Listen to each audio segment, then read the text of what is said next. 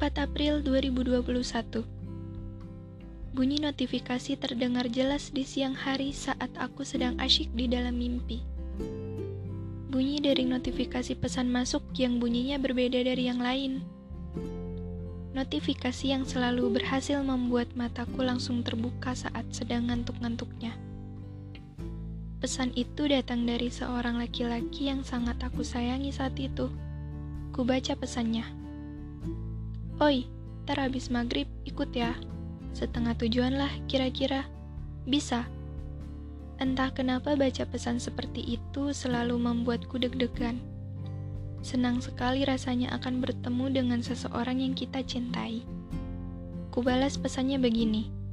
Sangat bisa. Ke mana? Dibalas. Gak usah nanya-nanya deh. Heran nanya mulu. Kayak gak kenal aja. Aku bersemangat sekali saat itu, mengetahui akan jalan dengan seseorang spesial. Satu persatu baju yang sudah kulipat rapi di dalam lemari, aku keluarkan untuk meet and match baju tersebut agar outfit yang kupakai nyaman dipandang dan nyaman kupakai. Aku tidak tahu apakah semua perempuan merasakan ini juga atau tidak saat akan jalan dengan laki-laki yang ia sukai berdandan di awal waktu, agar saat hendak dijemput, kita sudah siap. Jujur saat itu, aku sudah siap sejak pukul 2 siang. Padahal janjian pukul 7 malam. Dasar aku, terlalu senang. Sampai akhirnya tiba pukul setengah tujuh malam. Sayangnya hujan turun deras seketika.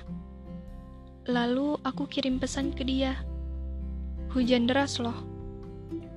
Dia balas dengan pesan suara yang isinya begini. Aman, aman. Pakai jas hujan. Aku ada. Ku balas, dasar. Emang mau ke mana sih? Tiga menit setelah ku kirim pesan tersebut, dia sudah menunggu di depan pagar rumah. Aku keluar menghampirinya. Untungnya, hujan sudah mulai mereda. Hanya rintik hujan yang masih turun. Udah gak hujan, aku nyusul aja ya, pakai jas hujannya, kataku. Pakai aja, nanti takut di jembatan Suramadu malah hujan deras. Ntar kamu basah semua, ucapnya. Gak usah dulu lah, di sini kan belum hujan. Ntar kalau hujan di sana, berhenti dulu, aku pakai jas hujan kataku yang ngeyel.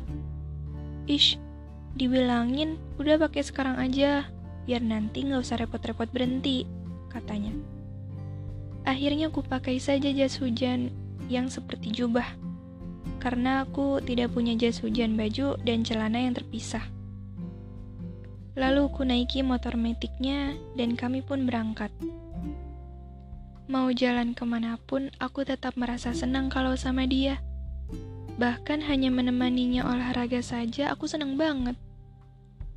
Eh, benar kata dia. Ternyata sebelum kita melewati jembatan Suramadu pun, hujan mulai turun. Kayaknya nanti celanaku ba bakalan basah deh, ucapku. Oh iya ya, kamu gak ada celana jas hujan, ucapnya. Kalau gitu, pakai celanaku aja mau, lanjutnya. Terus kamu nanti malah celanamu yang basah. Aman kok, tenang.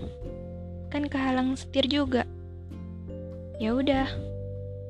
Eh, tadi kamu bawa jas hujan dua ya? Ya udah aku pakai untuk diselipin di kaki aja kali ya. Hah? Emang bisa? Gampang, katanya. Akhirnya kita berteduh dan dia menyuruhku untuk memakai celana jas hujannya. Dia benar-benar memakai jas hujan atasan untuk menutupi bagian pahanya saat menyetir. Kalau kalian melihat bagaimana kelakuan dia saat itu, kalian juga pasti akan tertawa melihat tingkah lakunya. Dia lucu. Dia berbeda dengan laki-laki lain yang pernah kutemui. Dia natural. Gak gengsi di depanku Aku suka caranya yang bersikap apa adanya di depanku. Saat itu juga aku membatin, Tuhan, tolong jangan jauhkan saya darinya. Saya sungguh sayang dengan orang ini, sungguh. Bahkan aku berharap dia mendengar kata hati aku meski sedang diterpa hujan di atas motor metiknya itu. Sesampainya di kota Surabaya, hujan mereda. Dia memarkir motornya ke kiri jalan, berhenti di sebuah toko helm. Ternyata dia ingin membeli helm baru, helm yang selama ini ia inginkan. Dalam hati aku membatin, kenapa gak bilang kalau emang mau beli helm baru?